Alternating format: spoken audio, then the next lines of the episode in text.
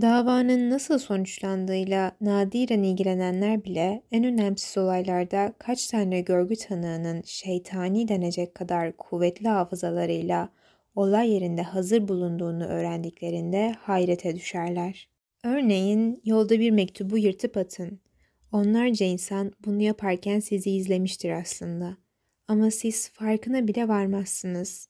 Belki de 5 dakika sonra avare bir delikanlı kağıt parçalarını birleştirerek kendine bir eğlence çıkartmaya çalışır.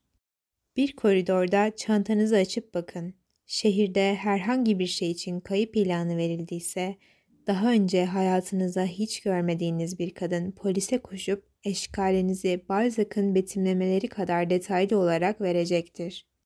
Bir lokantaya girdiğinizde pek de dikkat etmediğiniz o garson kıyafetinizi, ayakkabılarınızı, şapkanızı, saç renginizi, tırnağınızın düz yahut oval olduğunu dahi fark edecektir. Her pencerenin, her vitrinin, her perdenin, her saksının ardında bir çift göz mutlaka sizi izliyordur. Şayet mutlulukla sokakta kimse sizi gözetlemeden yapayalnız dolaştığınızı sanıyorsanız, Bilin ki üzerine vazife olmayan görgü tanıkları her gün her yerde etrafımızdalar.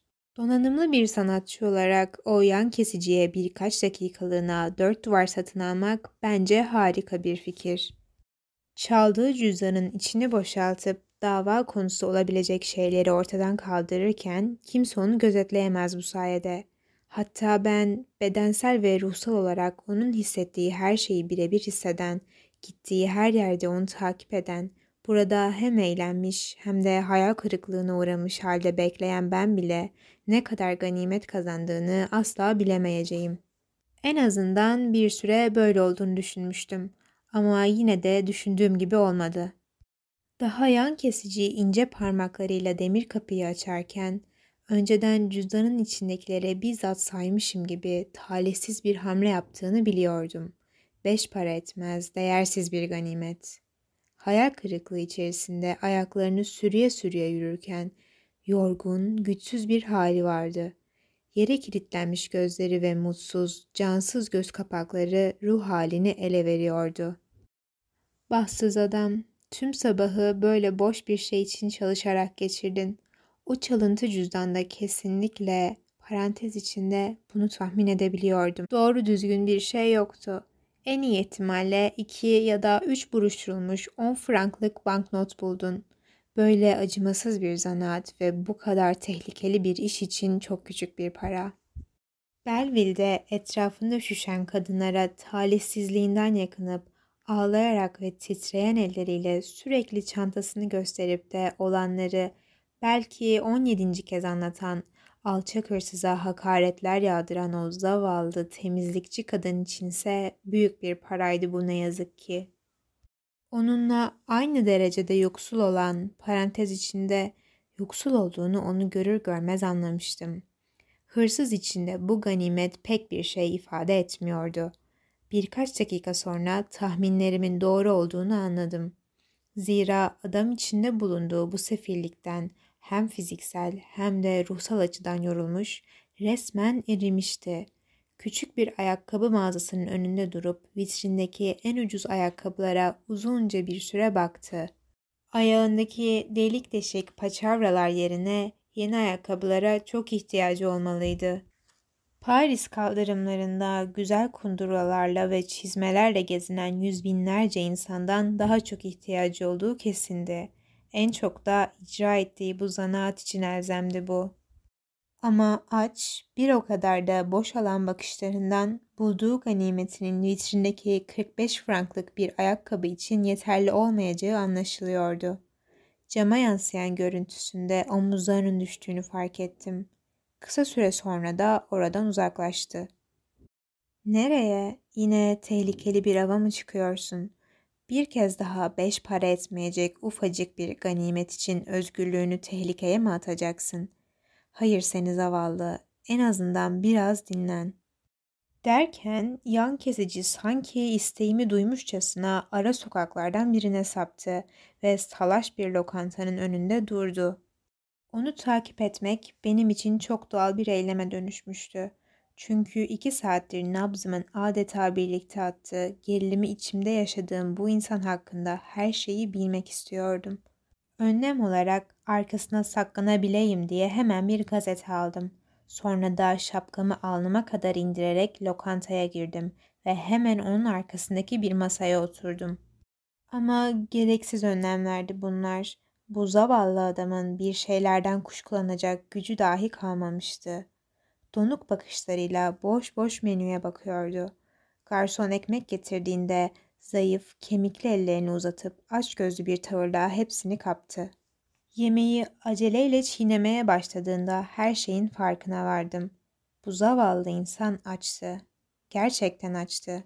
Sabahın erken saatlerinden beri hatta belki de dünden beri bir şey yememişti. Onun acısını en içten duygularımla paylaşırken garson bu zavallı adama içeceğini de getirdi. Bir şişe süt. Süt içen bir hırsız. Ruhtaki kocaman bir uçurumu aydınlatabilecek türden yanan bir kibrit parçası gibi küçük şeyler hayatın içinde her daim vardır. Onu suçtan tamamen azade bir çocuk su içeceği, bir şişe beyaz sütü içerken gördüğüm anda benim için artık bir hırsız olmaktan çıkmıştı. Bu rezil dünyadaki sefil, hasta, acınacak haldeki sayısız insandan sadece bir tanesiydi. Kendimi onu sadece merak eden değil, aynı zamanda da onu çok derinden bağlanmış biri gibi hissediyordum. Faniliğin her halinde, çıplaklıkta, ayazda, uykuda, yorgunlukta ve ızdırap içindeki bedenlerin çektiği her acıda, insanı adil ve adil olmayan, onurlu ve suçlu diye sınıflara ayıran o çizgi silinir ve geriye zavallı bir yaratık kalır. Ölümlü, aç, susuz, uykusuz ve herkes gibi yorgun bir yaratık. Sütten dikkatle küçük ama yine de aç gözlü yudumlar alıp ardından ekmek parçalarını yemeye başladığında büyülenmiş gibi seyrediyordum onu. Aslında bir yandan da onu izlediğim için kendimden utanıyordum.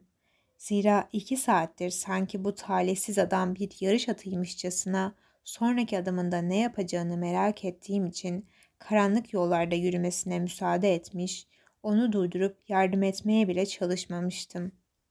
İçimde ona doğru bir adım atmaya, onunla konuşmaya, ona bir şeyler teklif etmeye yönelik karşı konulmaz bir istek peyda olmuştu. Ama konuşmaya nasıl başlayacaktım? Ona nasıl hitap edecektim? Bir bahane, bir sebep arayıp durdum ama bulamadım. Çünkü bizler böyle insanlarız. Acınacak halde olan insanlara karşı ince düşünceliyiz. Sözde cesuruz. Ancak yine de bir insanı diğerinden ayıran o incecik hava tabakasını delip geçemeyecek kadar korkağız. Özellikle de o kişinin sıkıntı çektiğini biliyorsak. Ama herkes bilir ki bir insan kendisi yardım talebinde bulunmadıkça ona yardım eli uzatmak çok zordur. Zira yardım istemiyor oluşunun ardında aslında elinde kalan son şey vardır.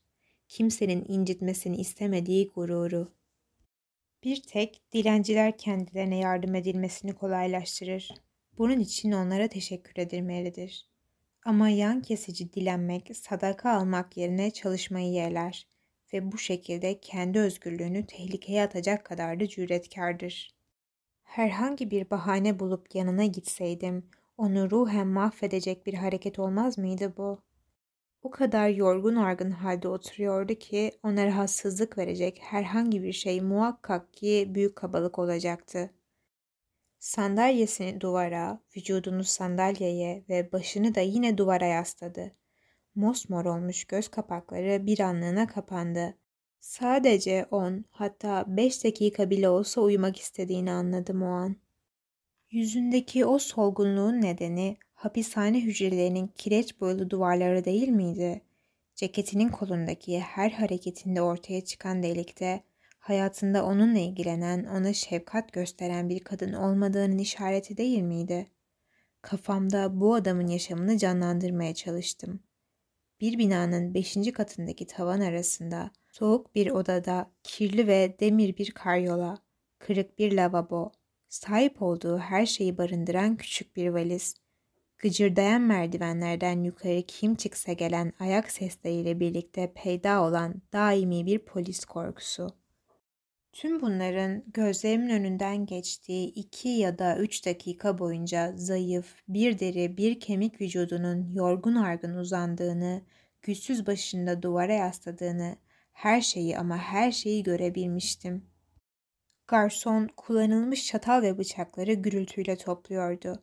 Belli ki restoranda bu kadar uzun süre oturan müşterileri sevmiyordu. Bu yüzden hesabı yan kesiciden önce ödeyerek onunla göz göze gelmemek için hemen dışarı çıktım. Ve birkaç dakika sonra o da dışarı çıkınca yeniden takip etmeye başladım. Bu zavallı adamı kendi haline bırakmaya hiç niyetim yoktu. Çünkü beni ona çeken şey artık öğleden önceki gibi bilmediğim bir zanaatı öğrenmeye duyduğum merak değildi. Gırtlağıma kadar karma karışık bir endişe ve insanın üzerinde bir çeşit baskı oluşturan duygular içindeydim. Onun yeniden bulvara doğru yürüdüğünü gördüğümde ise bu baskı boğazımı daha da zorlamaya başladı. Tanrı aşkına yine maymunların olduğu vitrinin önüne gitmeyeceksin değil mi? Aptallık etme. Bir düşün. Kadın çoktan polise haber vermiştir bile. Hatta seni o incecik ceketinin yakasından tutup götürmek için orada bekliyorlardır. Hem zaten bugünlük bu kadar iş yeter. Yeni maceralara atılman doğru olmaz. İyi durumda değilsin. Gücün tükendi. Hızlı değilsin. Yorgunsun ve insan yorgunken bu zanaatle uğraşmaya kalkarsa muhakkak başarısız olur. Zavallı adam. İyisi mi sen git ve yatağına uzanıp biraz dinlen. Bugün daha fazla çalışma. Yeter. Sadece bugünlük. Neden bu kadar endişelendiğimi, ilk denemesinde yakalanacağına neden bu kadar çok inandığımı açıklamam imkansız. Yan kesici bulvara yaklaştıkça kaygılarım gitgide artıyor, kulaklarımda çağlayan bir şelalenin uğultusuna benzer bir ses duyuyordum.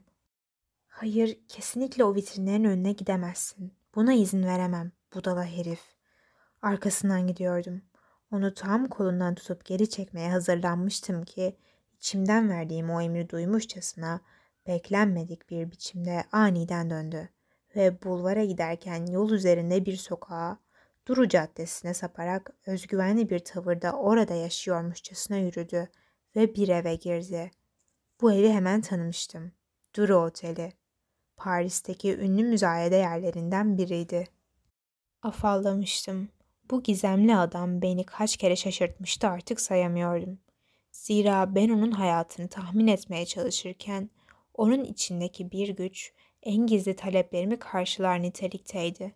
Daha bu sabah yabancısı olduğum bu şehirde Paris'te yüz binlerce ev arasından aslında gelmeyi planladığım tek yer burasıydı. Çünkü buraya her gelişimde ilginç ve bilgilendirici şeyler yaşamış, aynı zamanda da eğlenceli vakit geçirmiştim. Sıradan bir müzeden daha canlı olan bu yerde bazı günler çok sayıda envai çeşit mücevher bulunurdu. Ben de Duru Oteli'nin dışarıdan bakıldığında sergilenecek değerli bir eşyaya benzeyen ama bir yandan da son derece sade görüntüsünü çok severim. Çünkü Paris'teki hayatın gerçekte nasıl olduğunu kısaca betimler gibi bir hali vardır. Bir evin dört duvarı arasında bu kadar doğal bir bütünlük sergileyen başka ne olabilir? Büyükbaş bir hayvanın kasap dükkanında kesilip biçilmiş et parçaları gibi ayrı ayrı bir sürü şey vardır. En garip, en zıt, en kutsal, en sıradan şeyler burada en bayığı amaç uğruna bir araya gelir. Burada sergilenen her şey paraya dönüşmek ister. Yatak, çarmıha girilmiş İsa heykeli, şapka, kilim, saat, küvet, Udo'nun mermer heykelleri, çinko bakır alaşımından çatal bıçak takımları, Pers minyatürleri, gümüş kaplama sigara tabakaları, pasta bisikletler, Paul Valeri'nin eserlerinin ilk baskıları, gramofonlar, gotik Meryem Ana tabloları, duvarlarda Van Dyck'in yağlı boya resimleri, hurda sayılacak sobalar, Beethoven'ın sonatları. En önemli şeylerden tutun da en gereksiz, en değersiz nesnelere kadar insan ruhunda şekillenmiş ve elinden çıkmış Büyük, küçük, gerçek, sahte, eski yeni ne varsa en kıymetli olanından en saçma olana varıncaya değin hepsi bu büyük şehrin her şeyi aynı kefeye koyan müzayede yerine akın ediyor ve aynı hızda geri püskürtülüyordu. Her şeyin girip çıktığı bu acımasız yerde tüm değerler parayla ve sayıyla ölçülüyor, insan kibrinin ve ihtiyaçlarının devasa bir pazarı olan bu harika mekanda maddi dünyamızın karmaşık çeşitliliği diğer yerlerden çok daha yoğun biçimde hissediliyordu. Ev sahibinin aldığı her şey burada satılabilirdi. Ancak burada sadece eşyalar satın alınmakla kalmaz, aynı zamanda içgörü ve bilgi de edinilir. Dikkatli bir insan burada gözlem yaparak ve dinleyerek sanat tarihi, arkeoloji, kitapseverlik, posta pulu değerlendirmesi, nümismatik ve en önemlisi de antropoloji dahil her konuyu daha iyi anlayıp öğrenebilir. Çünkü ev sahibine olan köleliklerinden kurtulup kısa bir sürede olsa dinlenmek için bu salondan çıkıp başka ellerde olmayı dileyen çeşitli eşyalar gibi meraklı, müzayededen bir şeyler satın alma sevdalısı, koleksiyon çılgınlığından gözleri dönmüş insan türleri ve sınıfları da bir o kadar çeşitlidir.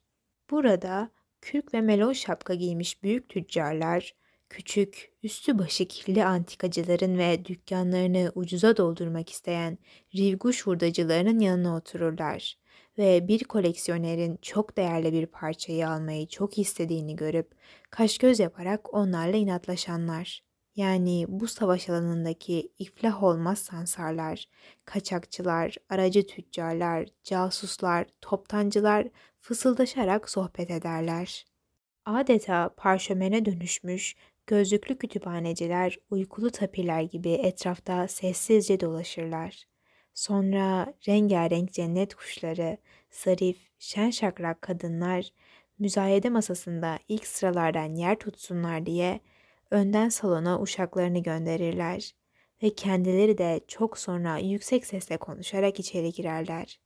Bu sırada bilir kişiler yani farmason koleksiyonerler sakin bakışlarıyla turnalar gibi bir köşede sessizce dururlar. Ama ticaret yapmak amacıyla bu işle ilgili yahut sanatsever olduğundan buraya gelen tüm bu tiplerin arasında sadece bedavadan ısınmak ya da pırıl pırıl su fışkırtan fıskiyeleri görmek için gelen bir grupta mutlaka vardır. Alana gelen herkesin muhakkak bir amacı olur. Koleksiyon için yeni parça almak, oynamak, kazanmak, bir şeylere sahip olmak ya da sadece ısınmak. Başkalarına hitap eden bu güvenli yerin sıcaklığından faydalanmak. İşte bu insan karmaşası kalabalığı birbirinden ayırır ve her birini yüzlerinden okunan muhtemel duygulara ve anlamlara göre sınıflandırır. Ama burada temsil edildiğini hiç görmediğim, hatta edileceğini de hiç düşünmediğim tek bir tür vardı. Yan kesiciler loncası. Gel gelelim artık arkadaşımın kendinden emin bir şekilde buraya sızdığını görmüştüm. O anda fark ettim ki burası onun zanaatını hayata geçirmesi için ideal bir yer. Hatta Paris'teki en ideal yer olmalıydı. Çünkü burada sanatı için gerekli tüm unsurlar eksiksizce bir araya toplanmıştı. Korkunç bir kalabalık, hırslı bakışmalarla bekleyen ve fiyat teklifi verenlerin yarattığı dikkat dağınıklığı. Üstelik burası bir müzayede yeriydi Günümüz dünyasında hipodromlar hariç paranın hemen nakden ödenmesi gereken tek yerdi. Yani her bir ceketin cebinde dolu bir cüzdan olduğu düşünülebilirdi. El çabukluğu olan biri için burada bulunmak çok büyük bir fırsattı aslında. Şimdi anlıyorum ki arkadaşım öğleden önce yalnızca küçük bir prova ve parmak egzersizi yapıyordu. Esasen buradaki gerçek başyapıtı için hazırlanmaktaydı. Yine de merdivenlerden birinci kata geliş güzel çıkarken ceketinin kolundan tutup onu çekmek istedim. Tanrı aşkına üç dilde yazılmış uyarı tabelasını görmüyor musun? Beware of pickpockets. Attention of pickpocket. Yan kesicilere dikkat. Bunu görmüyor musun ahmak herif? Burada senin gibileri hemen tanırlar.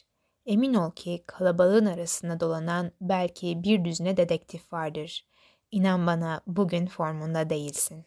Ama çok sıradan olan şu tabelayı süzerek soğukkanlı bakışlarıyla sakince merdivenlerden yukarı çıktı.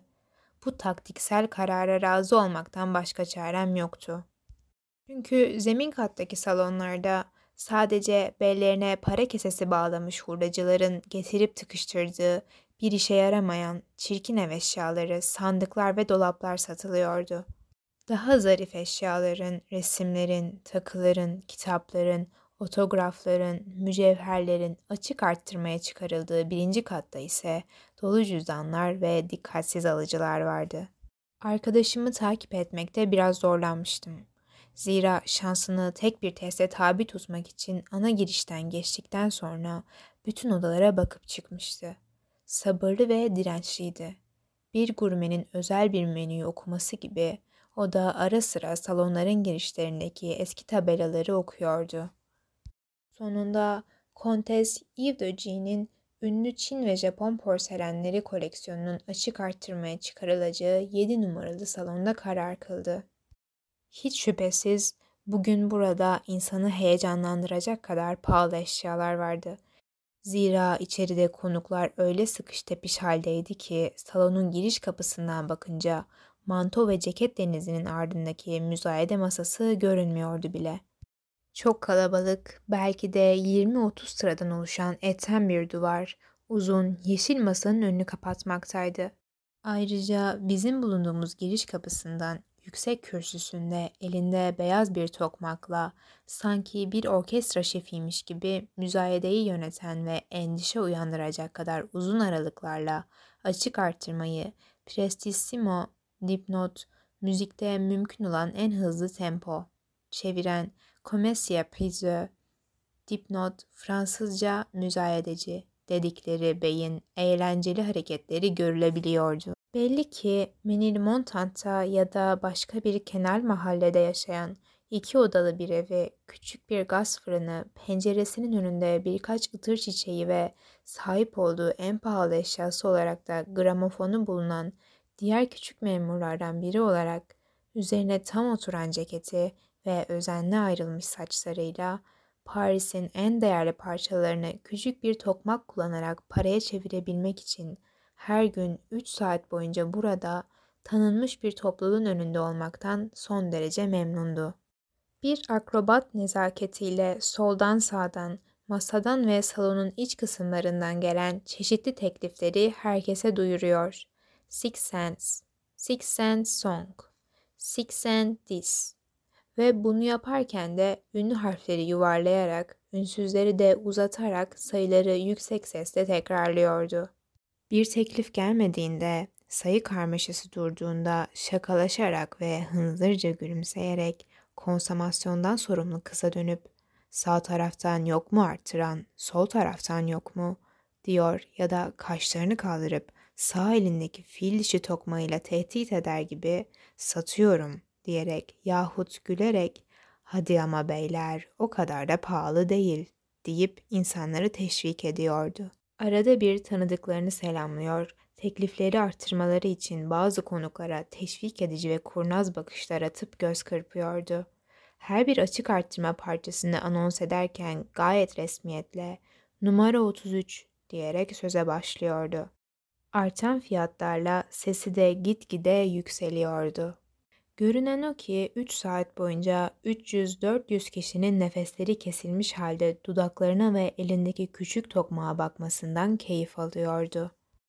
Rastgele tekliflere aracılık etmekten başka bir iş yapmamasına rağmen kendi kendine kurduğu bu aldatıcı hayal ona sarhoş edici bir özgüven kazandırmıştı. Süse püse düşkün zengin yaşlı kadınlar gibi ünlü harfleri ağzında yuvarlayıp duruyordu. Gel gelelim bu adamın abartılı mimikleriyle aslında tıpkı öğleden önceki sevimli üç küçük maymun gibi arkadaşıma tam da ihtiyacı olan dikkat dağıtma unsuru teşkil ettiğini fark ettim. Şimdilik cesur arkadaşım bu yardımdan herhangi bir fayda sağlayamıyordu. Çünkü çaresizce en arka sırada beklemekteydik bu yoğun, sıkışık insan topluluğunun içine karışmak için deneyeceği hiçbir şey işe yaramayacak gibi gözüküyordu. Bense bir kez daha bu ilginç zanaata karşı duyduğum ilginin geçici olduğunu fark ediyordum. Fakat bu alanda tecrübeli bir uzman olan yoldaşım tokmak kürsüye vurur vurmaz parantez içinde adam sevinçle 7260 frank demişti. Etten duvarlarda bazı boşluklar oluşacağını çok iyi biliyordu. Heyecan bitmiş, insanlar rahatlayıp başlarını hafifçe öne eğmişti. Satıcılar fiyatları kataloğa not ediyorlardı. Ara sıradan meraklı biri kalabalıktan ayrılıp gidiyordu. Birdenbire o sıkış tepiş insanların olduğu yere temiz hava girmeye de başlamıştı. İşte tam o anda yan kesici zeki ve atik bir şekilde başını öne eğip kalabalığın içine doğru ilerlemeye koyuldu. İnsanları hafifçe iterek 4-5 sıra ilerledi. Bu dikkatsiz adamı kendi haline bırakmayacağına yemin etmiş olan ben tek başıma ve öylece kala kalmıştım. Gerçi ben de biraz ilerleyebilmiştim ama müzayede devam ediyordu. O sırada etten duvarda yeniden birleşip sıkış tepiş olmuştu ve bataklığa saplanmış el arabası gibi kalabalığın en yoğun olduğu yerde çaresizce mahsur kalmıştım. İnsanların neredeyse birbirine yapıştığı çok bunaltıcı kalabalık çok berbattı ki önümde, arkamda, sağımda, solumda sadece yabancı yüzler ve yabancı kıyafetler vardı. Üstelik yanımda duranlardan biri ne zaman öksürse irkilerek sıçrıyordum. Hava dayanılacak gibi değildi. Toz, küf, asit ve elbette ki ter kokuyordu. Asıl mesele para olduğu için kalabalığın heyecanı öyle yoğundu ki neredeyse dumanını tutuyordu. Bir elimle cüzdanımı tutarak ceketimi çıkarmaya çalıştım. Nafile, daracık yerde sıkışıp kalmıştım. Ama yine de pes etmedim. Yavaşça ön sıralara doğru ilerledim. Çok geçti. Kanarya sarısı ceketli adam kaybolmuştu. Kalabalığın içinde görünmeyen bir yere girmiş olmalıydı. Kimse onun ne kadar tehlikeli olduğunu bilmiyordu. Sadece ben bunun farkındaydım. Ruhani bir biçimde o gün bu şeytan kılıklı, zavallı adamın başına çok kötü bir şey geleceğini hissediyordum. Ve bu korku bütün sinirlerimi alt üst etmişti.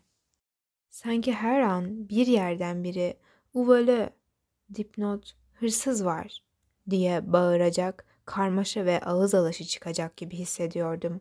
Sonra muhtemelen ceketinin iki kolundan tutup sürükleyeceklerdi. Nasıl olduğunu açıklayamıyordum ama nedense bu adamın bugünkü yan kesicilik girişiminde başarısız olacağından emindim. Gel gelelim korktuğum olmadı. Kimse bağırmadı. Aksine konuşmalar, kıpırdanmalar, koşuşturmalar birden kesildi. Tuhaf bir sessizlik oluştu. Sanki 200-300 kişi sözleşmiş gibi nefeslerini tutmuş, heyecanları katlanmış halde koca avizelerin altında dururken geriye doğru bir adım atan ve bu yüzden alnı daha çok parlayan müzayedeciye bakıyordu. Çünkü sıra müzayedenin esas parçasına gelmişti. Çin İmparatorunun 300 yıl önce elçilik aracılığıyla Fransa kralına hediye olarak gönderdiği ancak pek çok diğer şey gibi ihtilal sırasında gizemli bir şekilde Versay'dan çıkarılmış olan kocaman bir vazo. Üniforma giymiş dört uşak paha biçilmez eşyayı damara benzeyen mavi desenleriyle ışık saçan kavisli bir vazoyu kaldırıp dikkatle masanın üzerine koydu. Müzayedeci yavaşça öksürür gibi yaptıktan sonra fiyatı açıkladı. 130 bin frank. 130 bin frank. Bu dört sıfırlı kutsal sayıya müthiş bir sessizlikle yanıt verildi. Bu sayının üstüne kimse teklif sunmaya cesaret edemedi. Hatta bir şey söylemeye, ayağını kıpırdatmaya bile cesaret edemedi kimse. Birbirine yapışmış gibi duran o boğucu insan yığını adeta saygıyla bekleyen bir gruba dönüşmüştü. Nihayet sol tarafta masanın sonundaki beyaz saçlı bir beyefendi başını kaldırıp hızlıca, sessizce hatta heyecanla 135 bin dedi ve bunun üzerine müzayedeci hemen 140 bin diye karşılık verdi. İşte şimdi heyecanlı bir oyun başlamıştı. Amerika'daki büyük bir müzayede evinin temsilcisi parmağını kaldırmakla yetiniyordu. Kısa bir süre sonra teklifler bir önceki teklifin 5 frank fazlası şeklinde verilmeye başladı. Masanın diğer ucunda büyük bir koleksiyonerin sekreteri parantez içinde İnsanlar adamın ismini mırıldanıp duruyordu. Karşılık verdi. Müzayede birdenbire karşılıklı oturan, birbirlerine bakmaktan kaçınan iki teklifçi arasındaki diyaloğa dönüştü. Teklifleri duymaktan son derece memnun olan müzayedeciye hitap ederek konuşuyorlardı sadece. 260 bin frank teklif edilince Amerikalı ilk defa parmağını kaldırmadı. Söylenen sayı havada donmuşçasına ortamda asılı kaldı. Heyecan doruktaydı. Müzayedeci sayıyı dört kez tekrarladı. 260 bin, 260 bin. Avının peşinden uçan bir şahin misali sayıyı odanın yüksek tavanlarına fırlatır gibi söylüyordu. Ardından heyecanla içten içe hayal kırıklığına uğramış gibi sağa sola baktı. Parantez içinde ah oyuna devam etmeyi öyle çok istiyordu ki. Yok mu artıran? Çıt çıkmadı. Yok mu artıran? Ümitsizliği sesine yansımıştı. Sessizlik, sesi olmayan yalnız bir tel gibi salınıyordu. Yavaşça tokmağı kaldırdı. 200 kişinin kalbi neredeyse aynı anda duracaktı. 260 bin frank. Satıyorum. Satıyorum. Sat. Salonda mutlak bir sessizlik hakimdi. Herkes nefesini tutmuştu. Müzayedeci dini bir tören havasıyla tokmağı sessizce duran insan topluluğuna doğru tutuyordu. Ardından yine tehdit eder gibi "Jadjuj" dedi. Kimseden ses çıkmayınca sattım dedi tekrar. Bitti. 260 bin frank. Küçücük tokmağın sert bir darbesi bu etten duvarı sarsıp parçalamış ve herkesin yüzü eski hallerine dönmüştü. İnsanlar nefes alıyor, iç çekiyor, öksürüyorlardı. Birbirine yapışmış tek bir vücut gibi görünen bu kitle, coşkun bir dalganın çarpmasıyla her şeyi alıp götüren bir darbeyle kıpırdamış, rahatlamıştı. Birinin dirseği göğsümün ortasına çarpınca ben de sağlam bir darbe almıştım. O sırada biri pardon monsieur diye mırıldandı. İrkildim. Bu ses, aman tanrım bu oydu. Kayıp uzun zamandır aranan kişiydi. Duvarı rahatlatan dalga onu parantez içinde ne güzel bir tesadüf bana sürüklemişti. Tanrı'ya şükürler olsun ki yine ona yakındım. Sonunda onu izleyip koruyabilecektim. Elbette şapkamla kendi yüzümü gizlemiş ancak onun yüzünü görebileceğim şekilde takmıştım onu.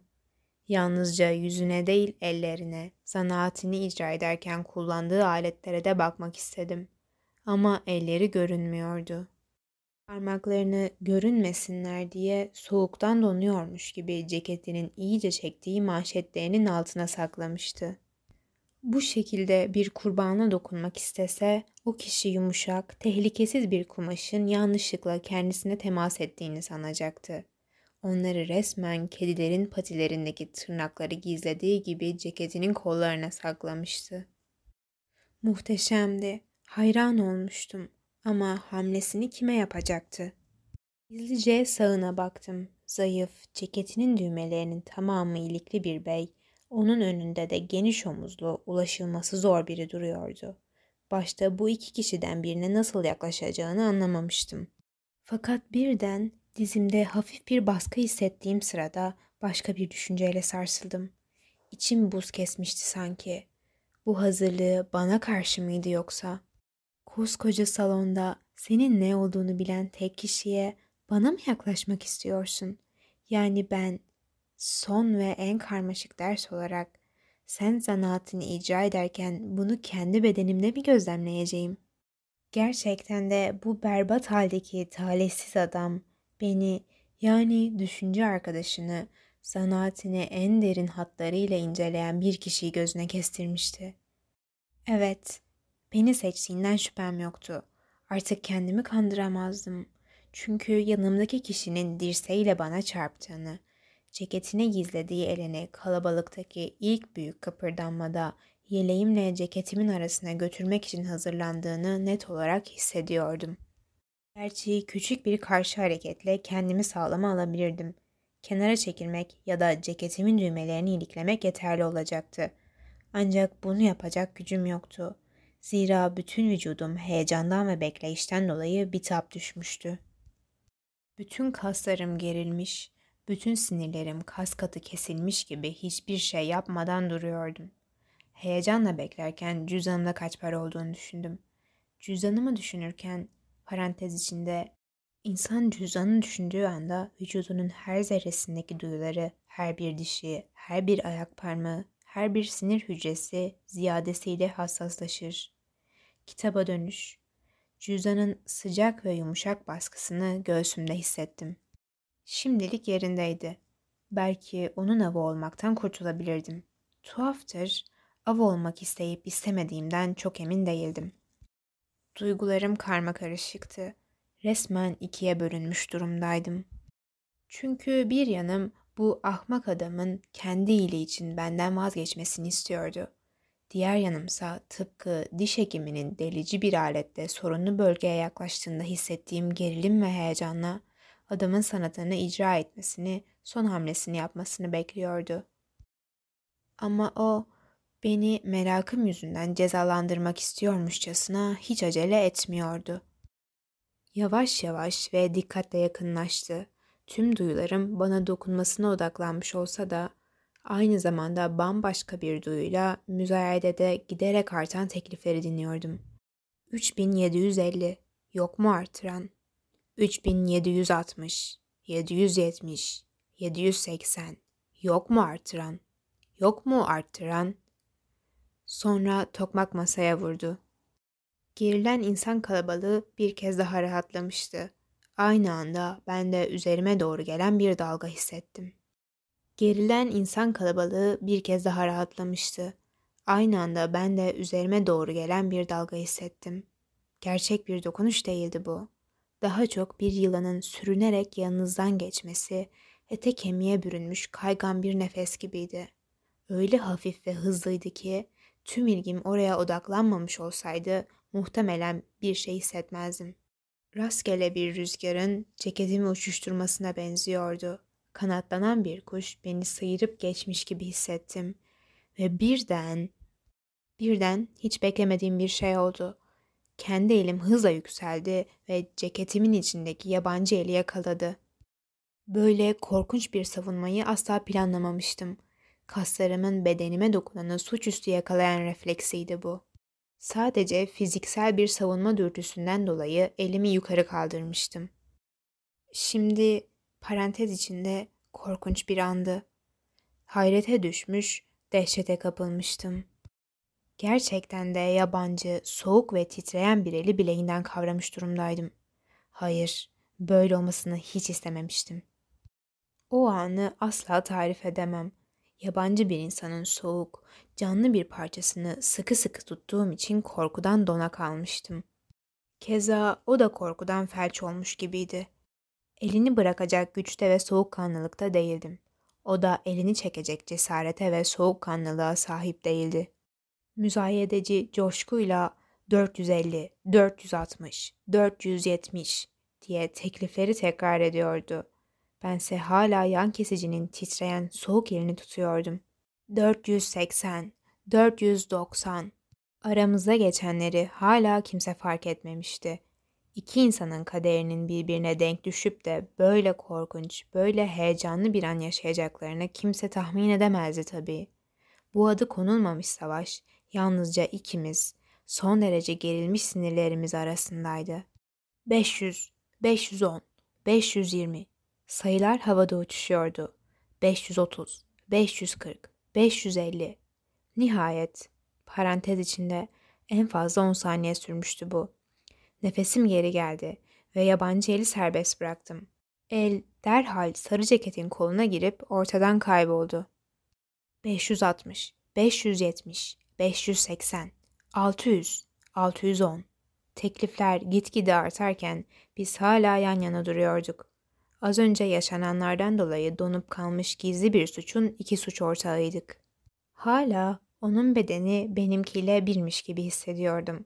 Kas katı kesilmiş olan dizlerim heyecandan titremeye başladığında onun dizlerinin de aynı heyecanla titrediği kanısındaydım. 620, 30, 40, 50, 60, 70.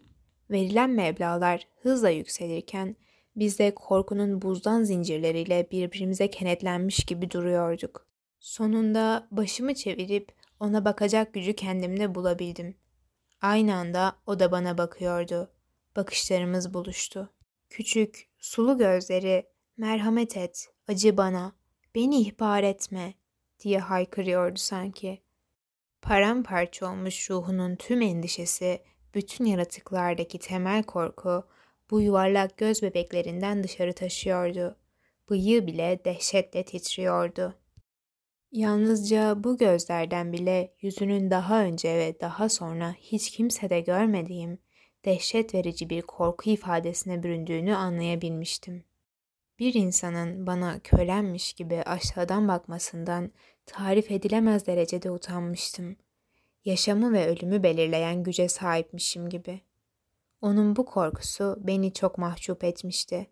Utana sıkıla gözlerimi diğer yöne çevirdim. Ama o anlamıştı. Onu asla ihbar etmeyeceğimi artık biliyordu. Bu sayede gücünü tekrar kazandı. Küçük bir hareketle vücudunu benden uzaklaştırdı. Artık benden mümkün mertebe uzakta olmak istediğini hissetmiştim. Önce dizleri gevşedi. Sonra kolumun yanındaki sıcaklığın kaybolduğunu hissettim. Yanımda kimse yoktu artık. Dalgıç gibi seri hareketlerle oradan çabucak uzaklaştı bahtsız arkadaşım. Başta biraz hava alabildiğim için ferahlamıştım. Fakat sonra ürktüm. Zavallı adam şimdi ne yapacaktı? Onun paraya ihtiyacı, benim de saatler boyu bana yaşattığı heyecan için ona teşekkür borcum vardı. Haberi olmasa da aslında kendisinin suç ortağı olan ben ona mutlaka yardım etmeliydim. Aceleyle peşinden gittim. Ancak çok kötü bir şey oldu. Talihsiz adam iyi niyetimi yanlış anlamış, benden korkmuştu. Uzakta kapının yanında durmuş beni gözetliyordu. Daha ben ona el sallayıp yüreğine su serpemeden kanarya sarısı ceketli adam hızla merdivenlerden aşağı inip kalabalık sokakta gözden kayboldu. Beklenmedik bir anda başlayan eğitimim yine beklenmedik biçimde son bulmuştu.